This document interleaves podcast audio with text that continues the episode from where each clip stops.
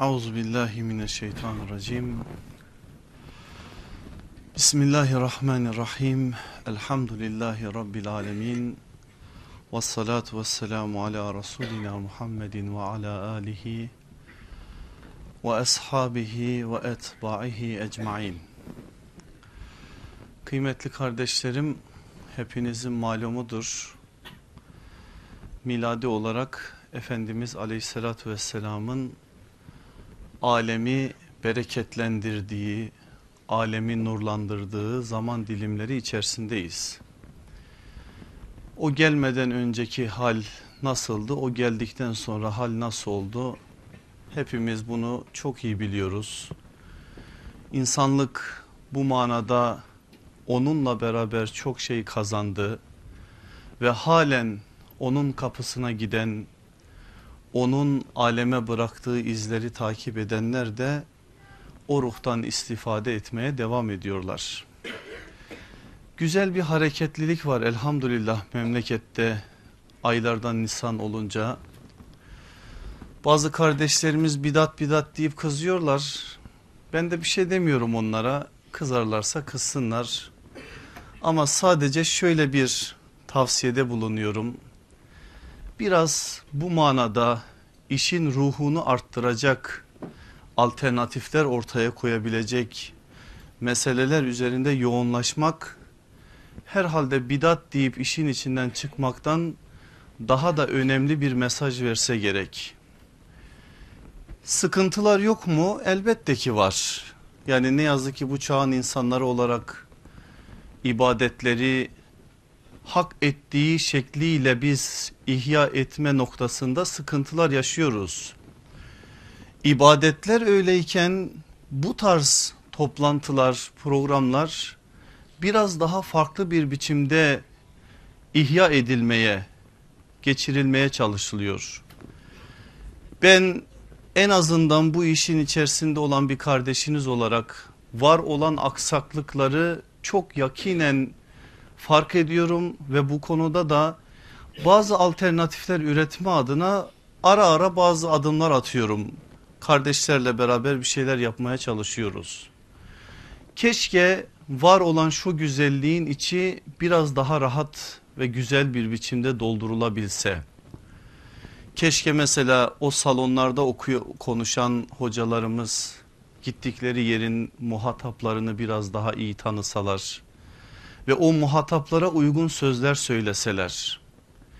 Keşke iş sadece hissiyatta kalmasa, amele yönelik bir şeyler söylense ve hepimizin ciddi bir sıkıntısı olan marifet ufkuna dair, iman hakikatlerine dair söz dönderilip dolaştırılıp oraya getirilse.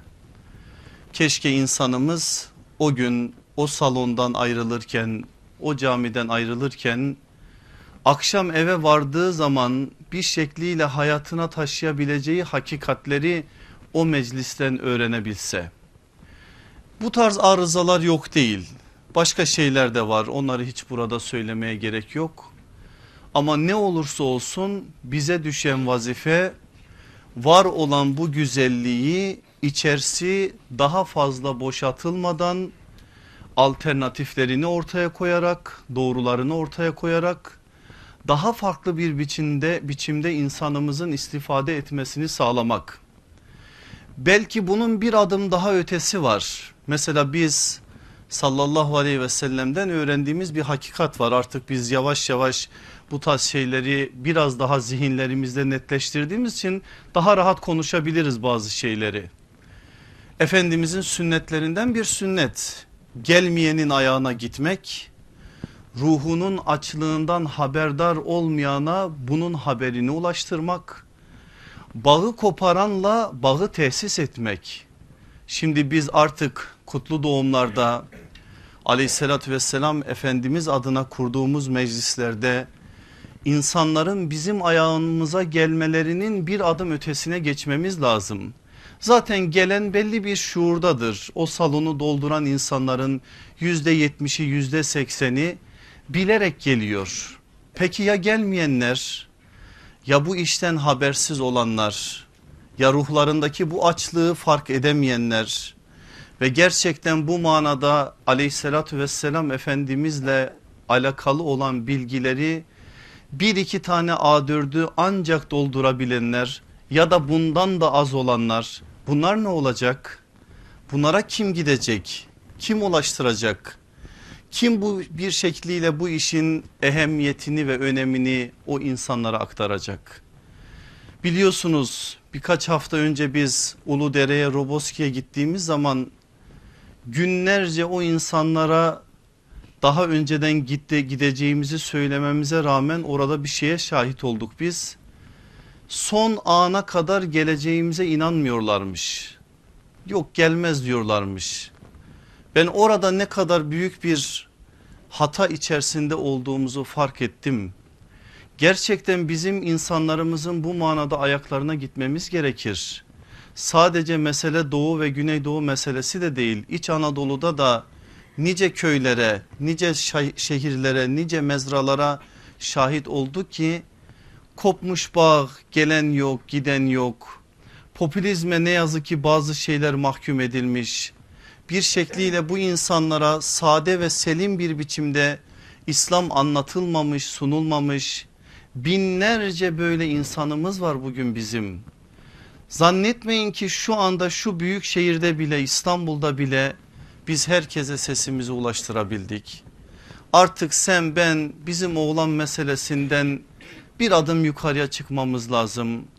Allah Resulü aleyhissalatü vesselamdan onun mübarek ellerinde yetişen ashab-ı kiram efendilerimizden bir haber olan insanlara bir şekliyle bu işin doğrusunu güzelliğini aktarmamız lazım.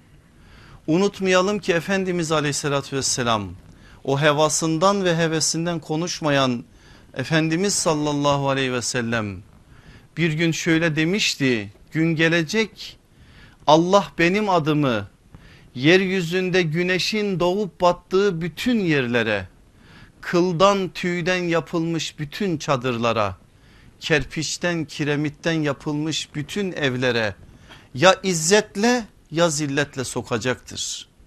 Bu sözü söyleyen ve her sözünde sadık olan sadıkul masduk bu sözüyle de tasdiklenecektir. Gün gelecek biz görür müyüz görmez miyiz bilmiyorum ama dünyanın her tarafında onun namı celili bir şekliyle insanların dillerine ve yüreklerine girecek.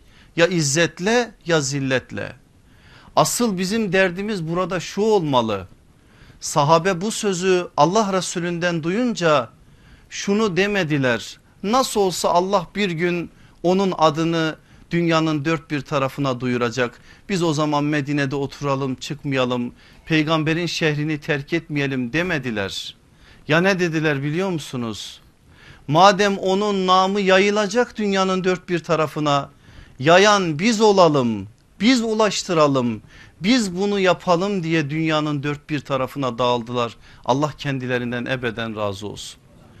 Öyleyse eğer benim aziz kardeşlerim ne olur artık bu manada biraz daha bizim Allah Resulü aleyhissalatü vesselamın hayatında olduğu gibi tebliğ ve irşat noktasında hırslarımızın yeniden kamçılanması lazım. Sokakların caddelerin şu halleri bizim de uykularımızı kaçırması lazım.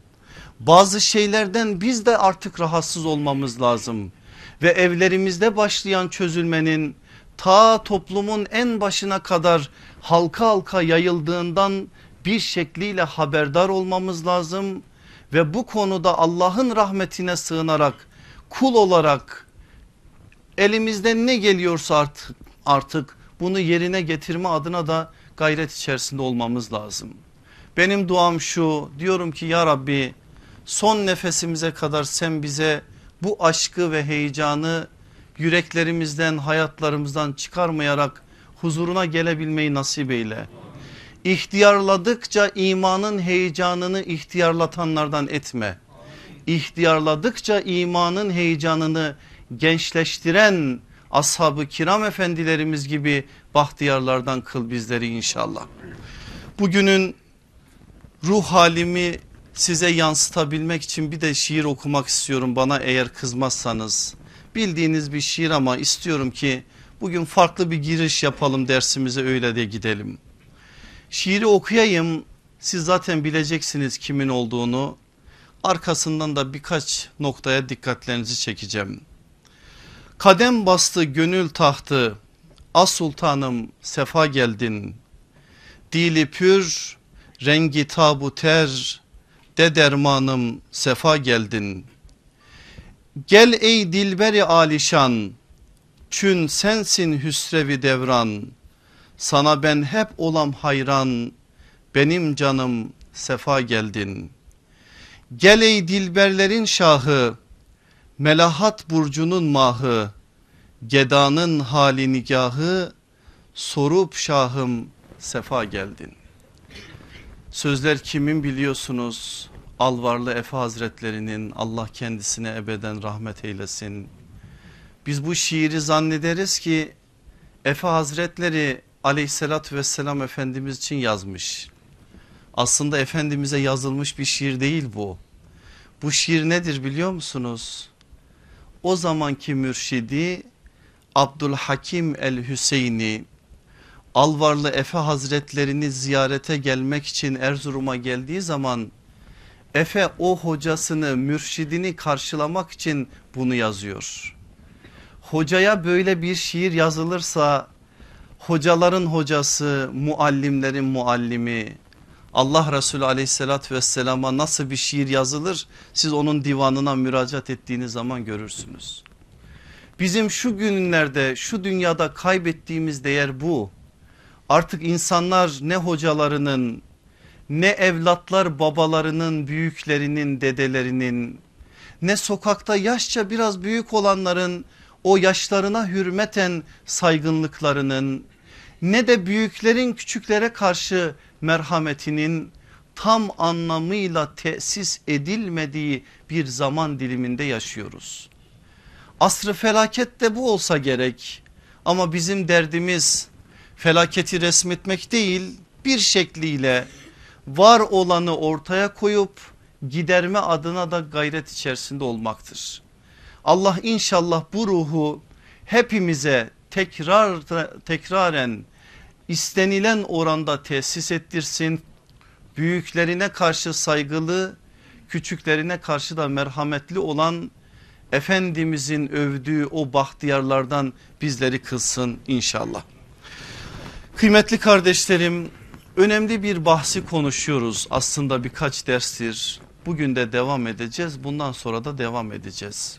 Çünkü bu bahis biraz üzerinde durmamız gereken bir bahistir ve hepimizin gerek baba olarak gerek anne olarak gerek aile büyükleri olarak gerek muallimler olarak gerekse bekar kardeşlerimiz var işlerimizde. Onlar bizden daha nasipli daha adım atmadan işin usulünü öğrendikleri için gerek de bu işe hazırlanan insanlar olarak çocuk meselesini çok doğru bir biçimde anlamak zorundayız.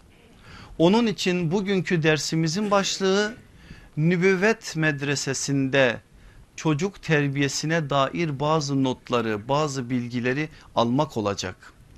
Nübüvvet medresesi dediğimiz zaman da bir kere bu kavramı bir zihnimizde netleştirmemiz lazım.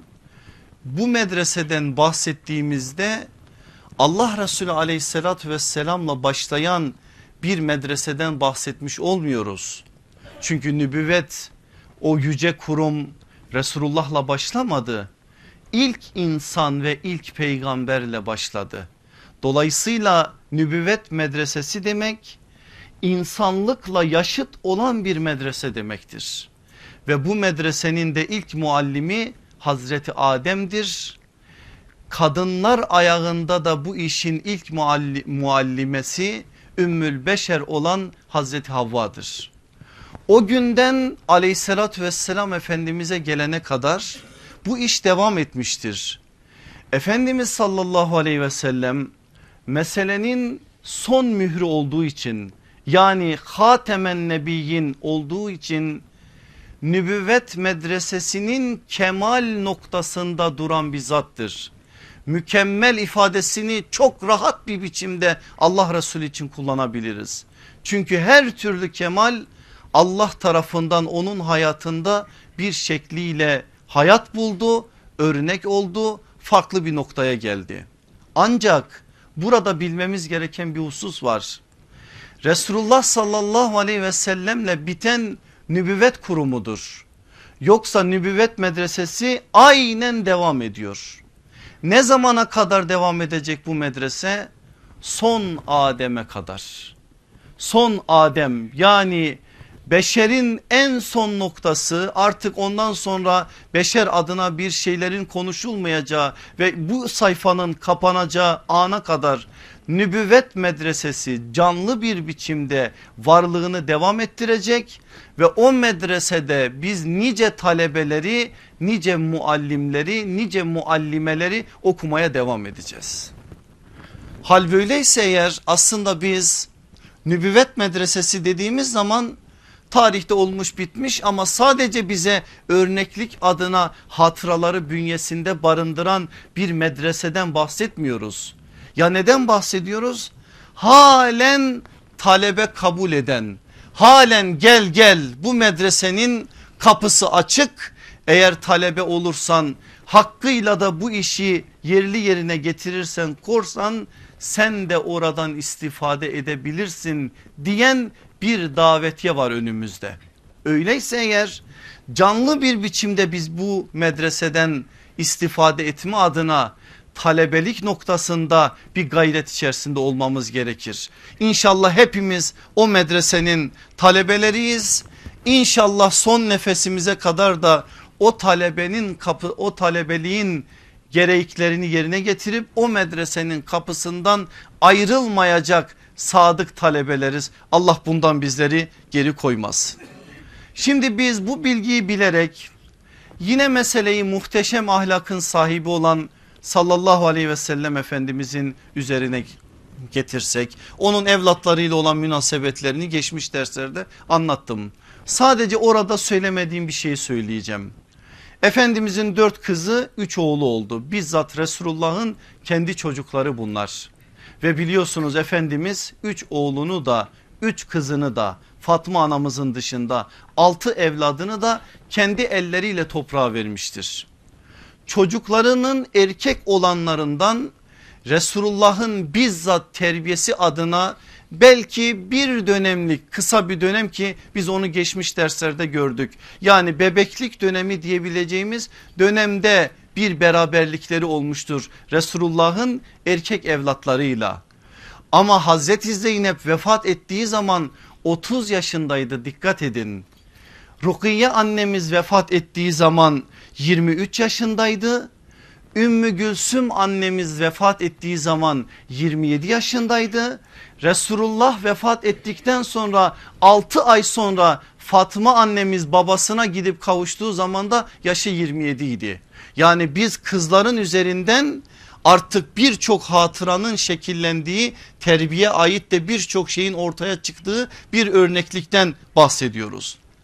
Burada aleyhissalatü vesselam efendimizin bizzat kendi çocuklarıyla olan münasebetinin bu kadar olması çocuk terbiyesi meselesinde Efendimizin çok az konuştuğunu evet az mı konuşmuş az konuşmuştur. Cümleyi düzeltelim.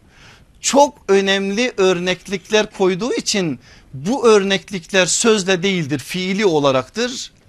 Kendi çocuklarının üzerinden konuşursak ve meseleyi sınırlandırırsak bunlar azdır belki ama diğerlerini de işin içerisine kattığımız zaman Resulullah sallallahu aleyhi ve sellemin çocuk terbiyesi meselesinde inanılmaz derecede bize bir miras bıraktığını görürüz. Ama geçen ders bir şey söylemiştim bilmiyorum hatırınızda mı? Dedim ki çocuk terbiyesi konusunda yapılanlar söylenenler Resulullah'ın hayatının tamamı içerisinde değerlendirildiği zaman azınlıktadır. Neden? Çünkü Efendimiz çocukların ana ve babalarını eğittiği için çocukların eğitimi konusunda çok fazla da söze gerek kalmamıştı. Ama buna rağmen bakın göreceksiniz ilerleyen derslerle birlikte biz bu terbiye sürecinde de yine Efendimizin hiçbir şeye ihtiyaç bırakmayacak şekilde bize örneklikler rehberlikler bıraktığına hepimiz şahit olacağız. kendi çocukları öyleyken sahabeyi söylemiyorum. Sahabenin birçokları Allah Resulü'nün yanında bir baba gibi terbiye gördüler o ayrı. Ama bizzat Resulullah'ın babalığına şahit olanlar var. Kim mesela?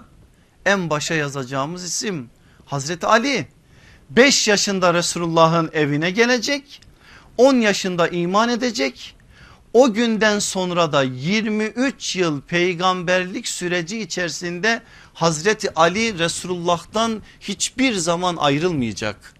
O ayrılmayışını Hazreti Ali nasıl bize resmedecekti? Bir deve yavrusu nasıl ki annesinin arkasında dolaşmışsa ben de aynen Resulullah'ın arkasında öyle dolaşmışım diyor. Kerremallahu veçe Hazreti Ali. Bunu söylemesinden alabiliyoruz biz aslında Ali'nin üzerinde bu manada söylenen uygulanan şeyleri. Sadece Ali değil mesela Efendimizin halasının oğlu olan Hatice annemiz de onun halası olan Zübeyir bin Avvam da o mektepte bizzat Resulullah'ın babalığını gören bir isimdi. Zeyd bin Harise evlatlığı zaten öyle. Ümmü Eymen anamız yaşça büyük olmasına rağmen yine öyle. Bunlar Mekke'de sayıları biraz daha fazlalaştırılan bizzat Resulullah'tan babalık yönü itibariyle terbiye gören fiili anlamda üzerlerinde hatıra olan isimler. Efendimiz aleyhissalatü vesselamın sonraki süreçteki evliliklerine bakın. Peygamberin hanesine babaları Resulullah olmayan ama anneleri peygamber evinin sultanları olan analarımız olan beş erkek beş kız çocuğu giriyor. Ve bunlar tamamen Resulullah'ın mübarek ellerinde yetişiyorlar. Ümmü Seleme annemizin çocukları, Sevda annemizin çocukları, Hatice annemizin çocukları, Ümmü Habib annemizin kızı. Bunların hepsi bizzat Resulullah sallallahu aleyhi ve sellem tarafından yetiştirilen ve çocuk olarak geldikleri için de babalık itibariyle babalık yönü itibariyle Resulullah'tan o manada babalık gören isimler. Bunların hepsini alt alta topladığınız zaman ciddi bir uygulama var. Zaten biz ilerleyen derslerde dediğim gibi bu fiili uygulamaları göreceğiz. Şimdi aziz kardeşlerim bu söylediklerim üzerinden genel bir değerlendirme yaparsak iki noktaya dikkatlerimizi yoğunlaştırmamız gerekir. Bunlardan birisi şu Efendimiz sallallahu aleyhi ve sellem varlığı ile yokluğu ile çocuk meselesinde imtihanların en ağırını yaşamıştır. Gördük mü bunu geçmiş derslerde? Gördük. Evet biraz belki daha detaylı anlatılmalıydı ama bu kadarla yetinelim. Allah Resulü aleyhissalatü vesselam varlığıyla da yokluğuyla da bu işi gerçekten en üst düzeyde imtihanını yaşayan biri olarak önümüzde rehberlik ediyor. Bu birincisi. İkincisi Efendimiz sallallahu aleyhi ve sellem dört kızının terbiyesiyle bizzat ilgilenmiş ve bu konuda bizlere çok önemli mesajlar vermiştir. Ben son günlerde işte bu dersler vesilesiyle hadis kitaplarındaki bu kaynakları böyle alt alta diziyorum.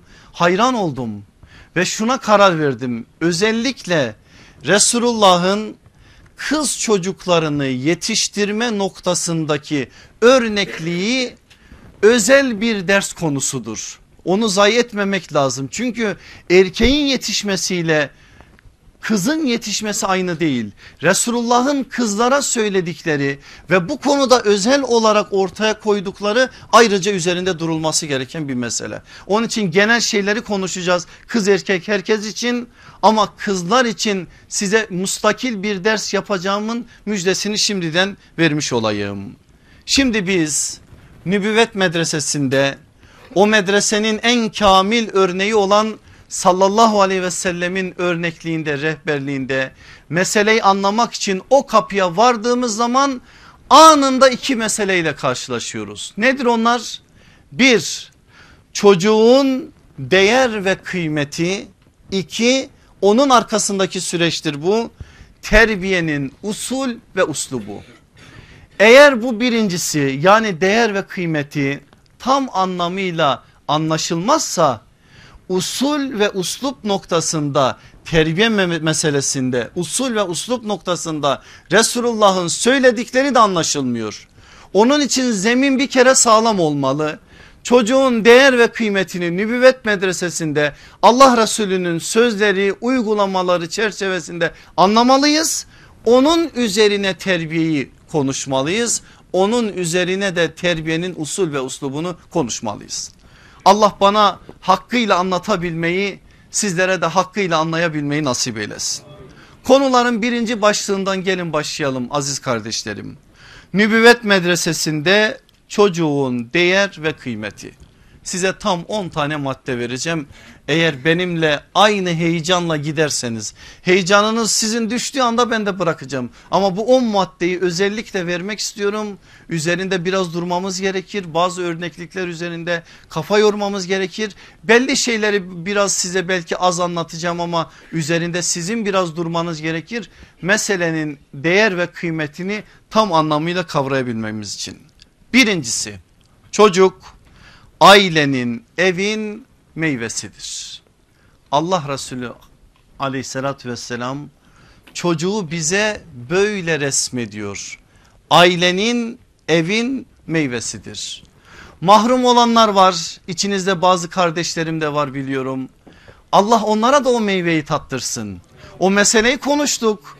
Artık aldıklarını aldılar ben aldıklarını bildiğim için biraz rahat konuşuyorum. Varlığı da yokluğu da imtihan meselesinde olmayanlara Allah'ın vereceği farklı ödüller mükafatlar var. Olanların ise ayrıca bir sorumlulukları var o da işin ayrı bir tarafı ki ikisi birbiriyle dengeleniyor. Resulullah nasıl çocuğu evin hanenin hatta tabir daha doğru kullanarak söyleyelim gönlün meyvesi kıldığına dair beyanı dile getirmiştir onu söyleyeyim. Ebu Musa el-Eşari bize naklediyor sahabenin büyüklerinden Tirmizi'de geçen bir rivayet bu aslında bir kutsi hadis aleyhissalatü vesselam Efendimiz Rabbimizin kendisine bildirdiği bir bilgiyi bizimle paylaşıyor. Diyor ki kulun çocuğu öldüğü zaman Allah canı almakla mükellef olan vazifeli olan meleklere sorar. Kulumun çocuğunun canını mı aldınız? Melekler evet ya Rabbi derler. Allah Celle Celaluhu der ki demek kulumun gönlünün meyvesini devşirdiniz. Gönlünün meyvesini kopardınız. Melekler evet ya Rabbi derler. Allah sorar peki kulum ne dedi? Melekler sana hamd etti. Biz Allah içiniz ve ona döneceğiz dedi. Bunun üzerine Rabbul Alemin olan Allah der ki gönlünün meyvesini koparmanıza rağmen bana hamd edip yönelen bu kulum için cennette bir köşk hazırlayınız ve adını da hamd evi koyunuz.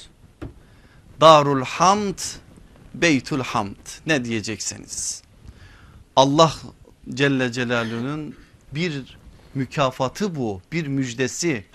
Ama bizim için burada önemli olan şey nedir? Özellikle Rabbimizin çocuğu gönlün meyvesi olarak resmetmesidir. Zaten tadan da bilir mahrum olan da bilir bu ikisi de bu işin böyle olduğunu bilir.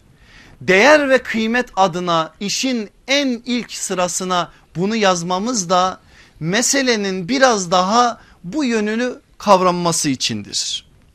İkinci husus çocuk çok büyük bir imtihandır. Peki imtihanlığı tek yönü mü? Hayır. Varlığı da imtihan yokluğu da imtihan. Ama bir şey daha eklememiz gerekir buna. Verirse imtihan vermezse imtihan verdiğini alırsa imtihan.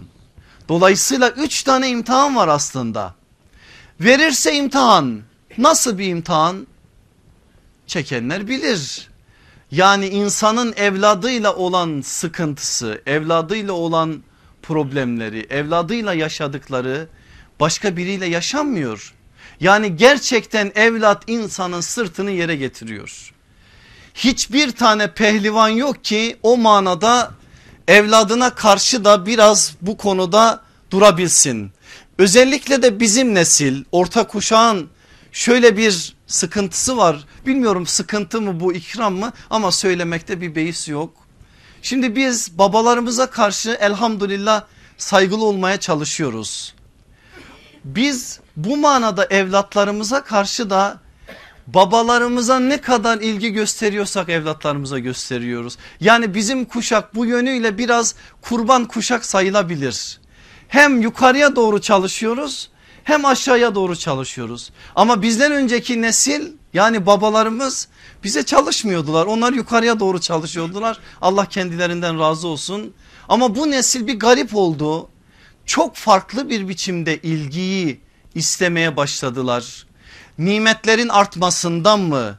Değişen dünya şartlarından mı? Artık ne diyecekseniz gerçekten şu anda evladın imtihan olma meselesi geçmiş dönemlere göre çok daha şiddetlidir. İmtihanın tek bir boyutundan söz edilemez. Birçok boyutundan söz edilmeli. Mesela o boyutlardan bir tanesi şudur ve tehlikeli bir şeydir bu. Belki beni yadırgayacaksınız bu cümlemle ama altını biraz dolduralım bu sözün. Çocuk bazıları için bir puttur. Put haline getirilen bir şeydir. Nasıl? Allah'ın değer itibariyle koyduğu değer itibariyle sınırını çizdiği yerden siz meseleyi yukarıya doğru sardığınız zaman ister istemez orada değerler ihlali yaptığınız için çocuğu bir put haline getirebilirsiniz. Hastalanmış sanki Allah yokmuş gibi beyimiz annem annemiz telaşlanmış. Ya Allah var senden daha fazla o çocuğa sahip çıkan Rabbin var. Niye buna tevekkül etmiyorsun? Niye tevekkül senin hayatında yok? Kendi şahsına geldiği zaman tevekkül var da niye evlatlarına geldiğin zaman aynısını gösteremiyorsun? Okulda kavga etmişler çocuklar biri birini biraz yaralanmış.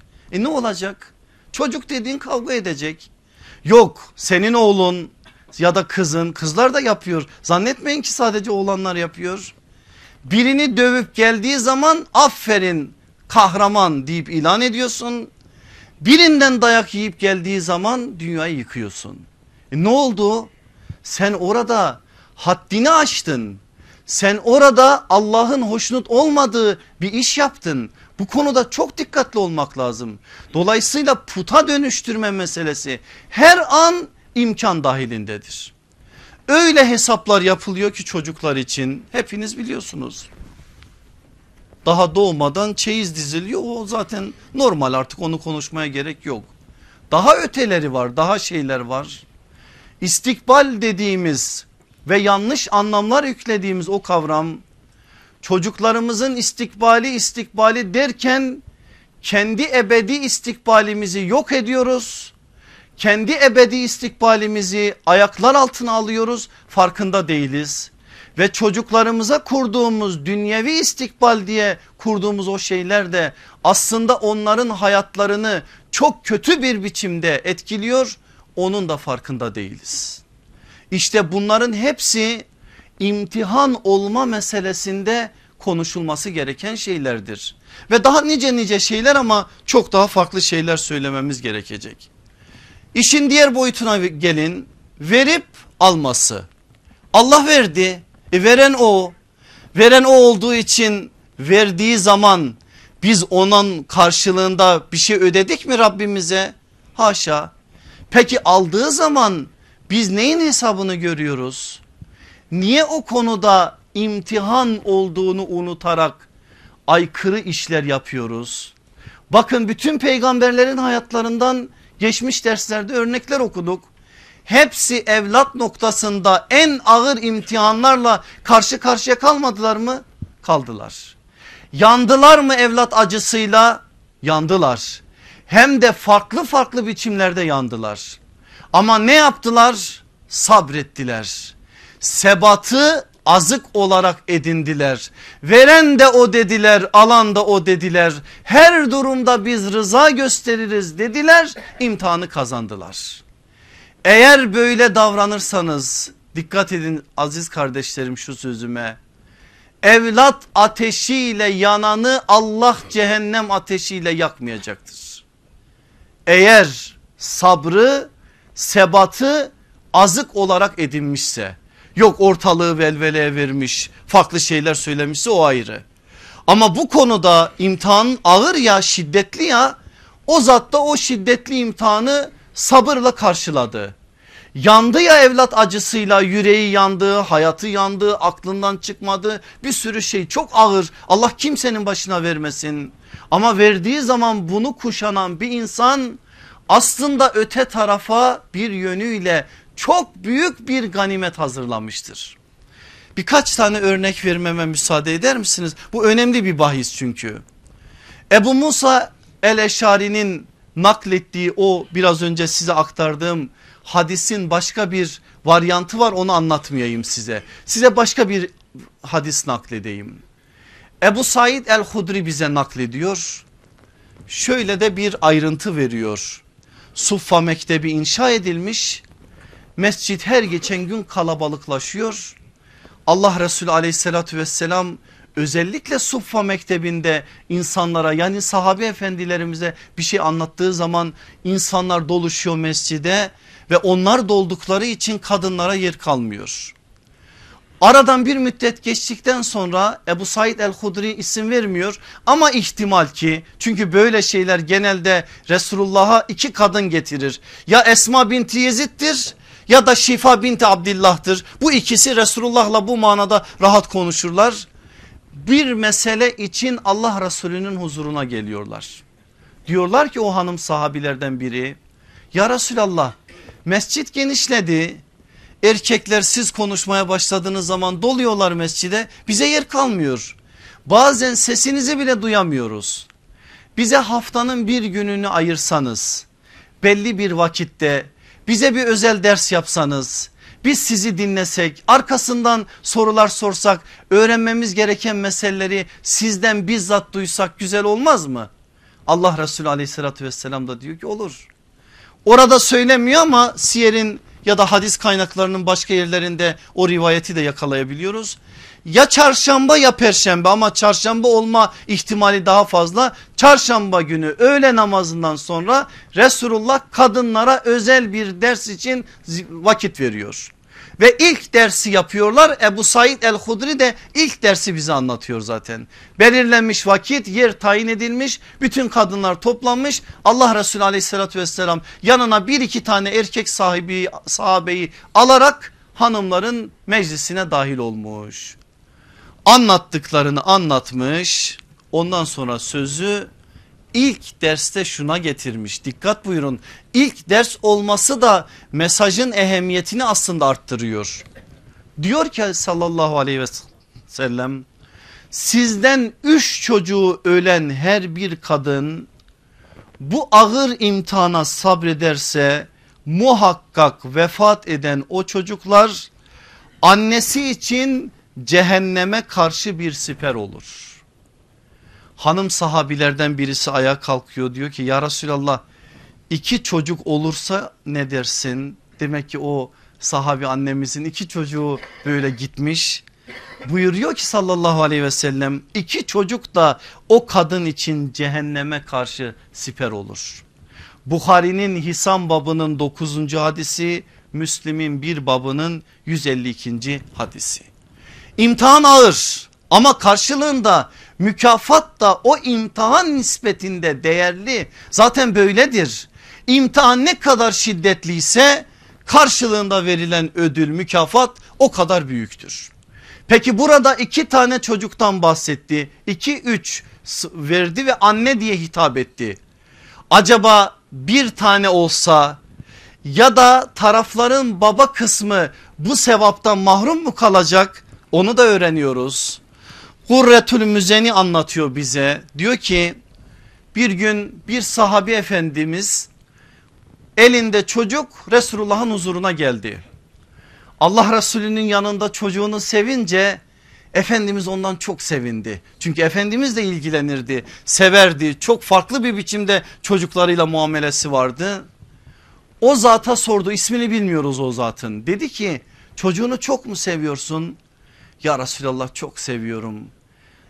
Biliyorum ki Allah benden daha fazla seviyor. Dua et de Allah da sevsin benim sevgim de çocuğuma karşı daha da ziyadeleşsin.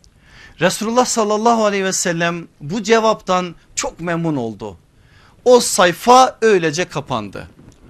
Aradan bir müddet geçiyor bakın size bir imamdan bahsediyorum bir imam namaz kıldırma memuru değil bir imamdan bahsediyorum. O imam cemaatin önüne geçtiği zaman saf haline gelince insanlar dönerdi cemaate şöyle bir süzerdi. Kim var kim yok kim gelmemiş bazen de özellikle bazı sahabiler Resulullah'ın onları süzdüklerini bildikleri için hep aynı yerde dururlardı ki Resulullah adeta yoklama aldığı zaman yerleri belli olsun da Allah Resulü sallallahu aleyhi ve sellem endişelenmesin. Böyle bir imamdan bahsediyoruz. İmamul Murselin bu zaten kurban olduğumuz her şeyiyle bize bir şey öğretiyor. Namaz için dönüyor şöyle bir bakıyor cemaate. Bir arkadaşınız vardı diyor yok göremiyorum diyor. Ya Resulallah diyorlar hani geçenlerde senin yanına geldi çocuğunu sevdi sen de ona dua ettin ya onun çocuğu öldü. Onun için birkaç gündür yok mescidimizde. Allah Resulü aleyhissalatü vesselam bir şey demiyor. Aradan bir müddet geçiyor o zatı sallallahu aleyhi ve sellem Medine'de görüyor. Diyor ki o zata aman sabırlı ol sen cennet kapılarından birine geldiğinde çocuğun o vefat eden çocuğun teşrifatçı olacak gel baba gel diyecek böyle bir mükafata Allah seni nail kılacak. İstemez misin böyle bir mükafata nail olmak? Nasıl istemem diyor ya Resulallah Rabbimden gelen her şeye teslim oldum. Ama ya Resulallah şunu merak ettim. Bu müjde sadece bana mı yoksa benim gibi olan bütün müminlere mi? Hepsine hepsine diyor sallallahu aleyhi ve sellem. Hepsine hepsine. Ne dedi Efendimiz aleyhissalatü vesselam?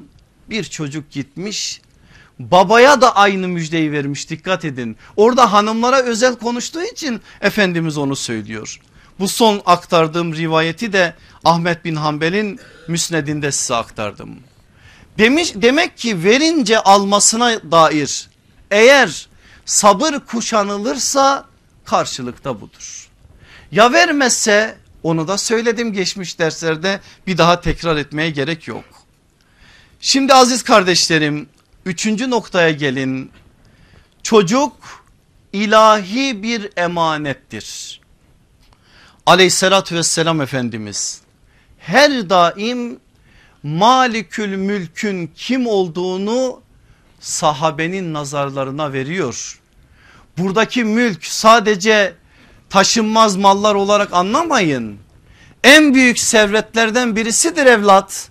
Ama sahip değilsin sen emanetsin emanetçisin o zaman şunu unutmayacaksın. Sahip değil şahitsin Malik değil emanetçisin. Bu iki ilkeyi unutmayacaksın ki emanet olarak göresin. Peki emanet olarak görmek sana bir yükümlülük yükleyecek değil mi? Emanete hiyanet etmek nedir? Siz bunu sadece mal olarak mı anlıyorsunuz? Sadece mal değildir bu. Allah sana çocuklara emanet etti. Emanet olarak verdi. Ve bir de bir hakikat beyan etti ki her çocuk İslam fıtratı üzerine doğar. Her çocuk 9-10 yaşına kadar dünyanın neresinde olursa olsun Müslümandır. Sözle Allah Resulü'nün sallallahu aleyhi ve sellemin sözüdür. 9-10 yaşına kadar da sana Müslüman ve mümin olarak o çocukları emanet etti. E sen görevini yapmadın, fıtratını korumadın onu onların bozulmaya başladılar. Senden kaynaklandıysa eğer sen elinden geleni yaptın imtihan yine ol, olacak farklı bir biçimde ceyran edecek o ayrı bir mesele. Ama sen elinden geleni yaptın yine olmadı. Böyleyse bir sorumluluk yok. Ya yapmadınsa Nasıl geleceksin Allah'ın huzuruna biliyor musun? Benim aziz kardeşim. Söylemeye dilim varmıyor ama söylemem lazım. Nifak çizgisine yaklaşarak gideceksin Allah'ın huzuruna. Emanete ihanet ettin ya nifak çizgisini belki de geçerek Allah'ın huzuruna geleceksin. Allah muhafaza. Cenab-ı Hak hepimizi muhafaza etsin. Her çocuk İslam fıtratının üzerine doğar. Sallallahu aleyhi ve sellem bu sözü özellikle Medine'de nasıl uyguluyordu biliyor musunuz? Sokağa çıkmış çocuklar Medine sokaklarında özellikle ilk 5 yıl. Hiç sormuyor sen kimin oğlusun? Münafığın çocukları var orada. Yahudilerin çocukları var orada. Putperest Arapların çocukları var orada. Enes bin Malik de orada. Bakın Enes bin Malik ne diyor? Çıktık değil mi evden diyor. Kimi gördüyse Resulullah ya başına elini sürdü ya aldı karşısına çocuklarla konuştu. Bir büyük insan gibi çocuklara selam verdi. Birçoklarıyla tokalaştı. Hal ve ahvallerini sordu. Bazen çocukların affedersiniz burunları aktı. Eğer bir şey bulduysa onunla bulmadıysa mübarek elleriyle çocukların burunlarını sildi. Başları yüzleri gözleri toprak olmuşsa aldı kucağına oturtturdu. O çocukların yüzünü gözünü başını temizledi. Kim bunu yapan? Sallallahu aleyhi ve sellem. Soruyor mu peki bunu yaparken sen kimsin diye? Hayır. Ne dedi? Her çocuk İslam fıtrat üzerine doğar. Öyleyse eğer bana ne babası annesi kimdir? Kim olursa olsun benim için hiç fark etmez. Allah Resulü bunu dedikten sonra benim artık başka bir şey söylememe gerek var mı ya da hakkım var mı? Bu her çocuk İslam fıtratına doğar hadisini Resulullah çeşitli zamanlarda çeşitli hadiseler üzerine söyledi. Bir yer var ki onu söylemem lazım ve üzerinde biraz sizin tefekkür etmeniz lazım. Bu şimdi size aktaracağım rivayeti Esvet İbni Seri isimli sahabi efendimiz naklediyor. Çok fazla tanıdığımız bir sahabi efendi değil bu ama biraz tanınması gerekir. Bir iki cümle söyleyeyim ben. Temim kabilesindendir. Yani meşhur kumandan Kaka İbni Amr'ın kabilesinden. Şairdir. Allah Resulüne Mekke fethi döneminde iman etmiştir. O günden sonra Resulullah'la dört tane gazveye katılmıştır ki o gazvelerden birine ait bir hatıra zaten size söyleyeceğim. Şair olduğu için Efendimizin huzuruna geldiği zaman da hep şiirlerle konuşur aleyhissalatü vesselam Efendimizle. Her sahabinin farklı bir hitap şekli vardır. O da hitap ederken şöyle eder ya Resulallah güzel övgüler aşkına beni dinle. Her daim onun sözü budur. Güzel övgüler aşkına beni dinle. Allah Resulü de bazen arkası dönük onun sesini duyduğu zaman gelenin o olduğunu bilir. Çünkü o hitap sadece ona aittir. Hazreti Osman'ın aşığı birisidir. Hazreti Osman Medine'de şehit edilince toplamıştır çoluk çocuğunu bir gemiye binmiştir bir meçhule doğru yolculuk etmiştir. Nereye gittiğini biz de bilmiyoruz. O gittiği yerde de vefat etmiştir. Allah kendisine rahmet eylesin. Bize de birkaç tane hadis emanet ederek gitmiştir. İşte onlardan birini aktaracağım şimdi size. Diyor ki bir savaştaydık. Başka bir rivayette Ahmet bin Hanbel'in müsnedinde o savaşın hangisi olduğunu biz biliyoruz. Hangi savaş o? Huneyn savaşı. Kuşattık diyor düşmanı. O anda içimizden bazıları saldırdılar. O saldırının heyecanıyla öldürdüler karşı taraftan birkaç insanı. Hızlarını alamadılar. Yanlarında birkaç tane çocuğu da öldürdüler. Olay bitti. Resulullah'ın huzuruna geldik. Hadise Resulullah sallallahu aleyhi ve selleme anlatıldı. Efendimiz aleyhissalatü vesselam onları dinleyince bir anda rengi değişti. Bambaşka bir hale girdi Efendimiz ve defaatle şunu söyledi. Bazı kimselere ne oluyor ki işi çocukları öldürmeye kadar götürdüler. Bazı kimselere ne oluyor ki işi çocukları öldürmeye kadar götürdüler. Kaç kez dediyse. Esvet İbni Seri diyor ki içimizden biri çekine çekine döndü dedi ki ya Resulallah sen bu kadar kızdın bize ama onlar müşriklerin çocuklarıydılar. Yani müşriklerin çocukları için kızılır mı dercesine Allah Resulüne bir şey söylüyor. Ne demiştir iman ettiğiniz peygamberiniz? Söz nedir biliyor musunuz? Siz neydiniz peki? Siz neydiniz? Siz de daha dün müşriklerin çocuklarıydınız. Eğer o gün size bir kılıç kalksaydı bugün olmayacaktınız. Ama Allah size ömür verdi hidayeti de tattınız. Onlar da yaşasaydı belki Allah onların içlerinden de bazılarına hidayetin nurunu ulaştıracaktı. Ondan sonra söylüyor işte Efendimiz sallallahu aleyhi ve sellem. Her doğan çocuk İslam fıtratı üzerine doğar. Dilleri dönmeye başlayınca ebeveynleri onları Yahudileştirir, Hristiyanlaştırır diyor. Burada Resulullah'ın verdiği çok büyük bir ders var. İnşallah hepiniz hepimiz alacağımızı alacağız bu derslerden. Dördüncüsü çocuk büyük bir imtihandır. Neydi geçen dersimizin başlığı? El-Vehhab olan Allah'ın en güzel bahşişi. Zaten o başlık işi çözüyor. Gerçekten en büyük nimet. Allah'ın bize verdiği nimetleri saymakla bitirebilir miyiz? Asla. Ama o nimetlerin başına yazılabilecekse yazılacaksa ilk başa yazılacak şeyler tabi iman nimeti, Efendimiz nimeti, hidayet nimeti, sahabe nimeti onlar ayrı. Dünyalık açısından en başa yazacağım şey elbette ki çocuktur. Çocuk çok büyük bir nimettir. Peki nimet bu kadar kıymetliyse her nimetin külfeti var aziz kardeşim. O halde külfetini niye tartmakta, niye taşımakta zorlanıyoruz? Niye bir şeyler olduğu zaman ortalığı velveleye veriyoruz? Nimet külfetiyle gelir. Öyleyse eğer nimetin ağır olduğunu, değerli olduğunu, kıymetli olduğunu hiçbir zaman unutma. Külfetinin de ona uygun bir biçimde, ona denk gelecek bir biçimde geleceğini hatırından çıkarma. Ama şunu da unutma.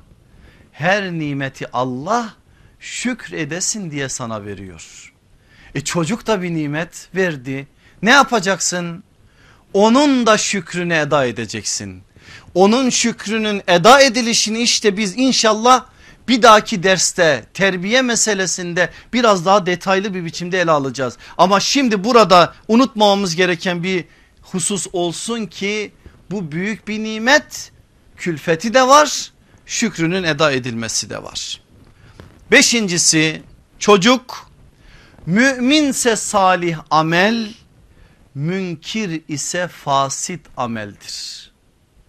Nereden çıkarıyoruz bunu biliyorsunuz Hazreti Nuh'un oğlu Kenan'la olan münasebetini ve oradaki o çırpınışını Hud suresi 25 49 ayetleri 25 ayet Hazreti Nuh'un o feryadını zaten Nuh'un kelime anlamı da öyledir inleyen demektir o inleyen peygamber bin eksi 50 sene bu kadar süre zarfında inlemiş inlemiş inlemiş. En son artık gemi yapılmış yer kaynatmış suyu gökten sular boşanmaya başlamış. Artık iş başlamış tufan noktasına gelmiş. O anda bile feryat ediyor. Gel diyor gel. Gelmem diyor. Ben falanca kayaya çıkacağım. Filanca dağa çıkacağım beni koruyacak diyor. Hazreti Nuh bakıyor ki gelmeyecek orada ellerini açıyor. Allah'ım diyor o benim ehlimden onu hiç değilse bana bağışla. Cevap geliyor o senin ehlinden değil onun ameli gayrı salih. Ameli salih değil onun. Eğer küfürse küfür üzerindeyse sen onu öyle göreceksin. Ama eğer müminse salih bir ameldir. Bizim aklımıza gelmez belki bazen salih amellerinizi sayın diye bir soruyla karşılaşsak ilk sıraya çocuğu almayı. Ama Kur'an bakın bize bunu öğretiyor. Amelin en güzeli salih olan amelin en güzeli, güzeli evlattır. Salih amel salih evlat. Böyleyse eğer sen bu manada bunu öyle anlamalısın. Müminse salih amel münkir ise fasit ameldir. Altıncı madde bunu zaten biraz daha açacak. Çocuk müminin kapanmayan amel defteridir. Öyledir değil mi? Hadisi biliyorsunuz sallallahu aleyhi ve sellem dedi ki Adem oğlunun öldüğü zaman defteri kapanır. Üç kişi müstesna. Kimdir onlar? Geriye insanların istifade ettiği sadakayı cariye bırakan. Bu nedir? İnsanlar istifade eder, eder köprü, yol, medrese neyse artık ilim bunların hepsi bu manada. İkincisi faydalanılacak ilim, ilim ayrıca sayılıyor affedersiniz. Üçüncüsü ise salih evlattır. Varsa eğer arkanda senin amel defterin kapanmayacak. Aramızda bir fark var sahabeyle bizim söylüyorum bu hadisi naklettiğim zaman yine tekrarında fayda var söyleyeyim. Biz şimdi bu hadisi duyunca Resulullah sallallahu aleyhi ve sellem ne dedi? Üç kişinin amel defteri kapanmaz dedi. Diyoruz ki Allah'ım üçünden biri olsun yeter. Salih evlat olsun yeter. Ya da ilim olsun arkaya bıraktığımız yeter. Ya da diyoruz ki bir sadaka cariyemiz olsun insanlar istifade olsun yeter. Ya sahabe ne diyor? Allah'ım üçü de olsun yetmez. Yetmez diyor. Çünkü onlar sevaba doymayan bir nesil. Zaten böyle olduğu için ufukları büyük.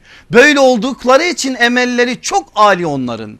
Üç tane de olsa yetmez. Varsa bir dördüncü kapı o kapının önünde de siz sahabe efendilerimizi görürsünüz. O güzellikleri o adımları bize de örnek olsun inşallah. Yedincisi çocuk insanın varisi soyunun devamıdır. İnsanın varisi soyunun devamıdır.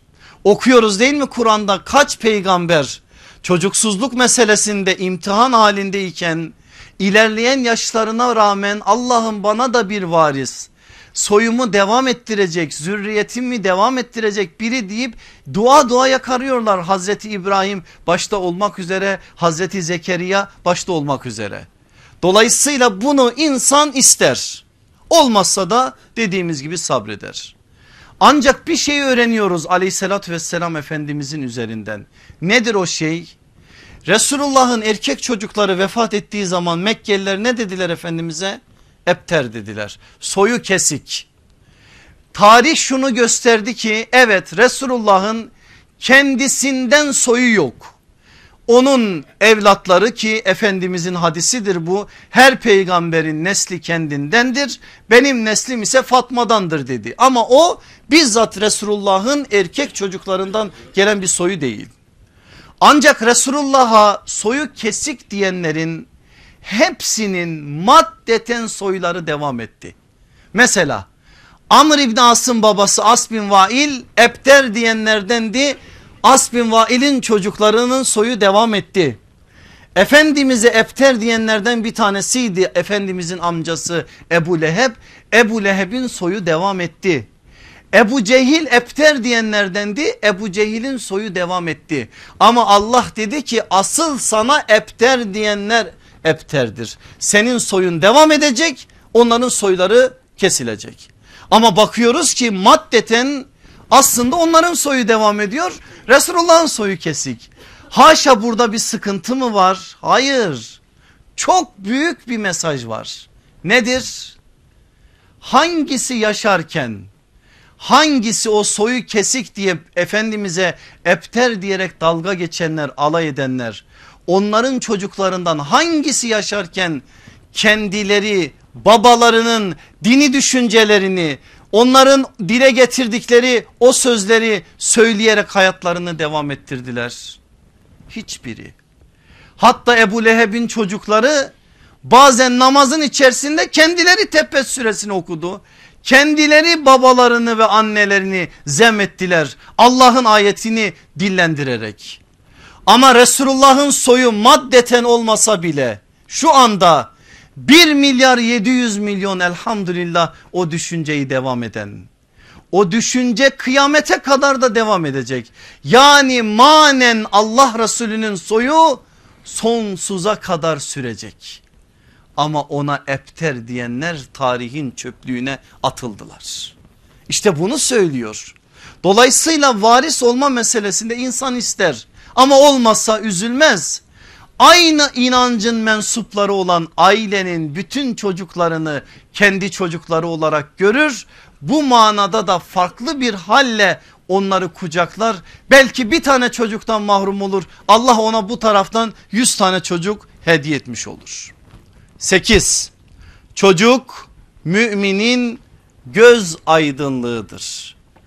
Kurrete ayn, kurrete ayun. Kur'an'ın ifadeleri dua olarak geçmiş Kur'an'a. Firavun'un hanımı Asiye'nin dilinden Kur'an'a geçmiş bu ifade. Hani Musa'yı sandıkta bulduğu zaman Asiye anamız ne diyecek? Diyecek ki Firavun'a bunu öldürmeyelim. Belki bizim için göz aydınlığı olur. Demek ki çocuk göz aydınlığıymış. Göz aydınlığı oluyormuş. Olduğu zaman çocuk gözün nuru oluyormuş ve göz daha iyi görüyormuş. Göz daha farklı bir biçimde işlevini devam ettiriyormuş. Hal böyle olduğu zaman nasıl değer noktasında bir yerde duruyor buradan anlayın. Bir de insanın en itibar gördüğü itibar verdiği organıdır gözün. Siz sevdiğiniz bir insana ben söylüyorum bilmiyorum siz söylüyor musunuz? Gözüm diyorum mesela gözüm. Göz çok değerli ya onu da sevmişsiniz kendisini gözünüzün yerine koyuyorsunuz. İşte Allah'ın buradaki bu beyanı budur. Evlatlarınız sizin gözleriniz hem de gözlerinizin aydınlığı diyor.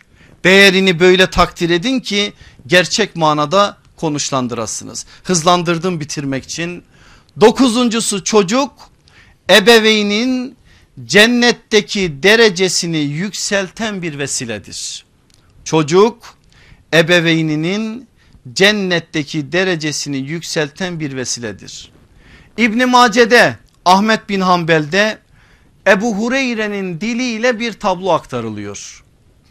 İnsanlar cennete girmişler ancak bazıları cennet içinde habire yükseliyorlar dereceleri fazlalaşıyor. Biliyorsunuz cennetin tabakaları derece derece cehennemin tabakaları dereke dereke Allah derece derece bizlerle inşallah muamelede bulunsun.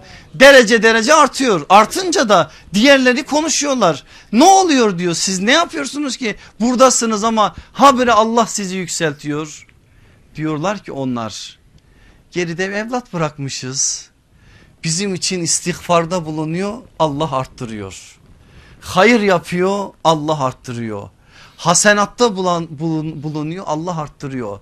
Dolayısıyla arkadan yapılan her türlü şey ebeveynin annenin de babanın da cennetteki derecelerini arttırıyor. İşte bundan dolayı diyoruz çocuk ebeveynin cennetteki derecesini yükselten bir vesiledir. Onuncusu ve sonuncusu. O ney? Ne olmalı en son madde arkadaşlar? Bu kadar büyük bir değeri var. Bu kadar büyük kıymeti var.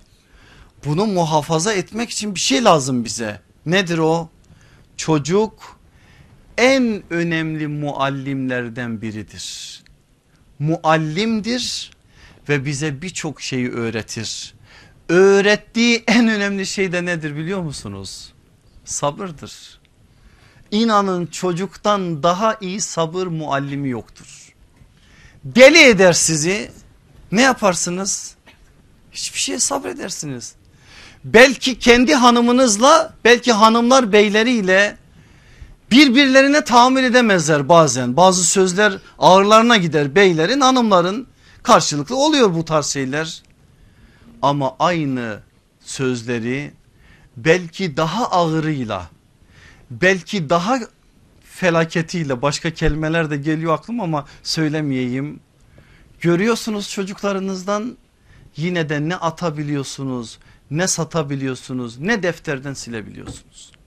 Muallim çocuk muallim sana öğretiyor. Sadece sabrı ve sebatı öğretmiyor. Şimdi biz bazen diyoruz ya yıkılası viranede evladı iyal var. İyi bir şey bu aslında. Evladı iyal olduğu için bakın çalışma azmimiz artıyor. Ne oldu çocuk? Bize çalışma azmi veren bir muallim oldu. Bizi çalıştırıyor habire onların işte geleceğini düşünerek işte dengeli bir biçimde tabi onu söyledik. Bu tarz şeylerde de muallimlikleri devam ediyor ve sadece bir alanda da değil bunun çok fazla bir biçimde örnekleri var. O halde her çocuk aslında bize hayatın süreci içerisinde yaşayarak beraberce yaşayarak bazen tatlısıyla bazen acısıyla bazen sinirli haliyle bazen sevinçli haliyle birçok şey öğretir. Öyleyse eğer o muallimlerin kıymetini bilelim inşallah Allah bilenlerden etsin.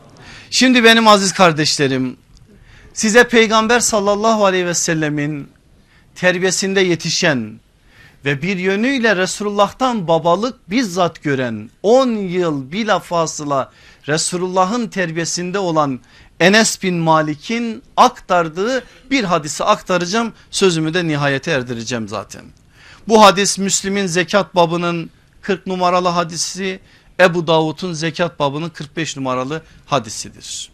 Diyor ki Enes bin Malik oturmuşuz Resulullah'la beraber Mescid-i Nebevi'de hepimiz halkı olmuşuz etrafında Allah Resulü aleyhissalatü vesselam bize bir şeyler anlatıyor biz de kuş uç, uçurtmamak gibi bir hassasiyetle başlarında kuş varmışçasına kitleniyorlar ya Efendimizin mübarek lisanına. Aynen öyle o hassasiyetle Resulullah'ın mübarek lisanına kitlenmişiz. Bir anda Allah Resulü aleyhissalatü vesselam şöyle bir söz söyledi. Allah'ın kulları içerisinde öyle kullar vardır ki kıyamet günü Allah onlarla konuşmaz Onları mağfiretiyle yargılamaz. Onlara sevgi nazarıyla bakmaz. Meclisin havası bir anda değişti. Bambaşka bir havaya büründük. Bir sessizlik oldu diyor Enes bin Malik. Sonra içimizden biri sordu dedi ki ya Resulallah kim ki bunlar? Kim ki? Allah hem onlarla konuşmayacak hem mağfiretiyle yargılamayacak hem de sevgi nazarıyla bakmayacak. Yani o adamın ocağı batmış. O adam ocağı batan bir adam. Kim ki bize bunu söyle ki onlardan olmama adına tedbir alalım diyor o sahabe efendimiz. Allah Resulü sallallahu aleyhi ve sellem de üç sınıf sayıyor dikkat edin. Onlar anne ve babasından yüz çevirip giden evlattır. Onlar çocuklarını terk eden babalardır. Onlar kendilerine yardımda bulunan insanların iyiliklerini unutup iyilik gördüğü insanlara karşı nankörlük yapanlardır. Üç sınıf söyledi anladınız değil mi? Anayı ve babayı terk eden evlat. Evladını terk eden baba. Evla, bakın anne demiyor çünkü anne onu yapmaz. Analığı konuştuk geçmiş derslerde. Bu babalığın işi bazı arızalı babalar yapıyorlar bunu. İşte onu söylüyor. Evladını terk eden baba bir de iyilik görmesine rağmen karşı taraftan bir şekliyle farklı bir biçimde güzellikler görmüş olmasına rağmen tabir caizse eğer tekeri düze çıktığı zaman o iyilikleri tamamen unutup nankörlük yapandır. Bakın hadis şerhlerine Üç sınıf içinde epey şerh var da ben asıl konumuzla alakalı bir şey söyleyeyim. Babanın evladı terk etme meselesinde şöyle bir açıklama yapılır. Bu terk maddeten olduğu gibi manen de olabilir. Nasıl? Maddeten adam terk etmiş evi gitmiş. Azdır ama vardır. Ya diğeri aynı evdedir. Aynı çatının altındadır Güya beraber yaşıyor ama gününün belli bir vaktinde çocuklarıyla muhabbeti yok. Göz göze gelip de çocuklarıyla iki kelime etmez. İçeriye girdiği zaman canavar girdi. Çocuklar kaçacak delik arar oturup da bir yerde beraberce muhabbet edecekleri, beraberce konuşabilecekleri, beraberce dertleşebilecekleri baba evlat ister bu kız ister erkek fark etmez böyle bir zemin yok. Öyle bir evde baba evladını terk etmiştir. Böyle bir terk edilişin karşılığı da budur. Artık ne söylenir? Allah bizi bundan muhafaza etsin inşallah. Benim son duam nedir biliyor musunuz? O duayı hep yapıyorum. Size de beraberce yapmayı çağrıda bulunuyorum. Beraberce şimdi de yapalım bir cümle. Diyorum ki Allah'ım bizi evlatlarımızla evlatlarımızı da bizimle mahcup etme. Allah'ım bizi evlatlarımızla evlatlarımızı da bizimle mahcup etme. Allah'ım bizi evlatlarımızla evlatlarımızı da bizimle mahcup etme. Velhamdülillahi Rabbil Alemin. El Fatiha.